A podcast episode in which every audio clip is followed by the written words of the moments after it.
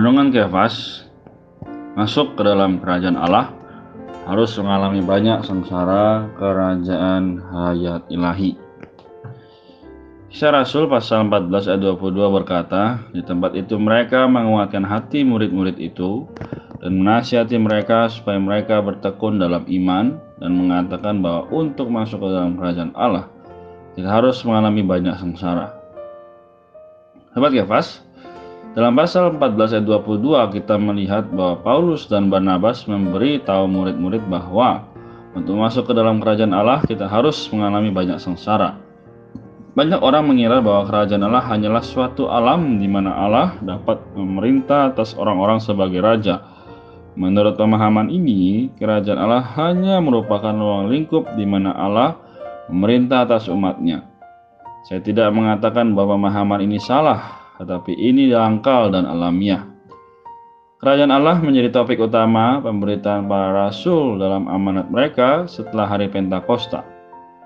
Kerajaan Allah bukanlah kerajaan material yang terlihat oleh mata manusia, melainkan kerajaan hayat ilahi. Inilah perkembang luasan Kristus sebagai hayat ke dalam orang-orang berimannya, sehingga membentuk suatu ruang lingkup yang di dalamnya Allah berkuasa dalam hayatnya.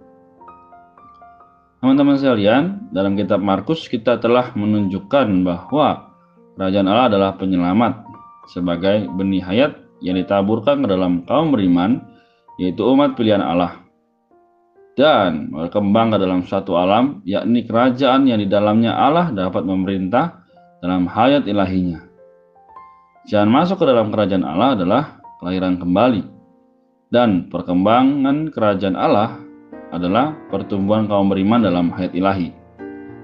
Kerajaan adalah kehidupan gereja hari ini, yang di dalamnya kaum beriman yang setia hidup dan akan berkembang ke dalam kerajaan yang akan datang sebagai satu pahala untuk diwarisi oleh kaum saleh pemenang dalam kerajaan seribu tahun. Akhirnya, kerajaan akan rampung dalam Yerusalem baru sebagai kerajaan Allah yang kekal suatu alam kekal dari berkat kekal, hayat kekal Allah yang akan dinikmati oleh seluruh umat tebusan Allah dalam langit baru dan bumi baru sampai selama-lamanya. Sobat Kefas, Roma pasal 14 ayat 17, Rasul Paulus berkata, sebab kerajaan Allah bukanlah soal makanan dan minuman, tapi soal kebenaran, damai sejahtera, dan sukacita dalam roh kudus. Haleluya, kerajaan Allah adalah kehidupan gereja yang di dalamnya kita bisa menikmati kebenaran, damai sejahtera, dan sukacita. Kita harus mengucap syukur hari ini kita ada dalam hidup gereja.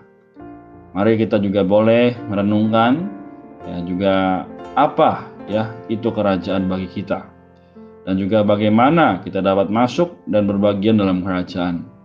Setelah itu kita juga boleh berdoa supaya Tuhan membawa kita semua menjadi duta-duta atau wakil Kristus di mana pun kita berada, kita menjadi orang yang memberitakan firman kasih karunia.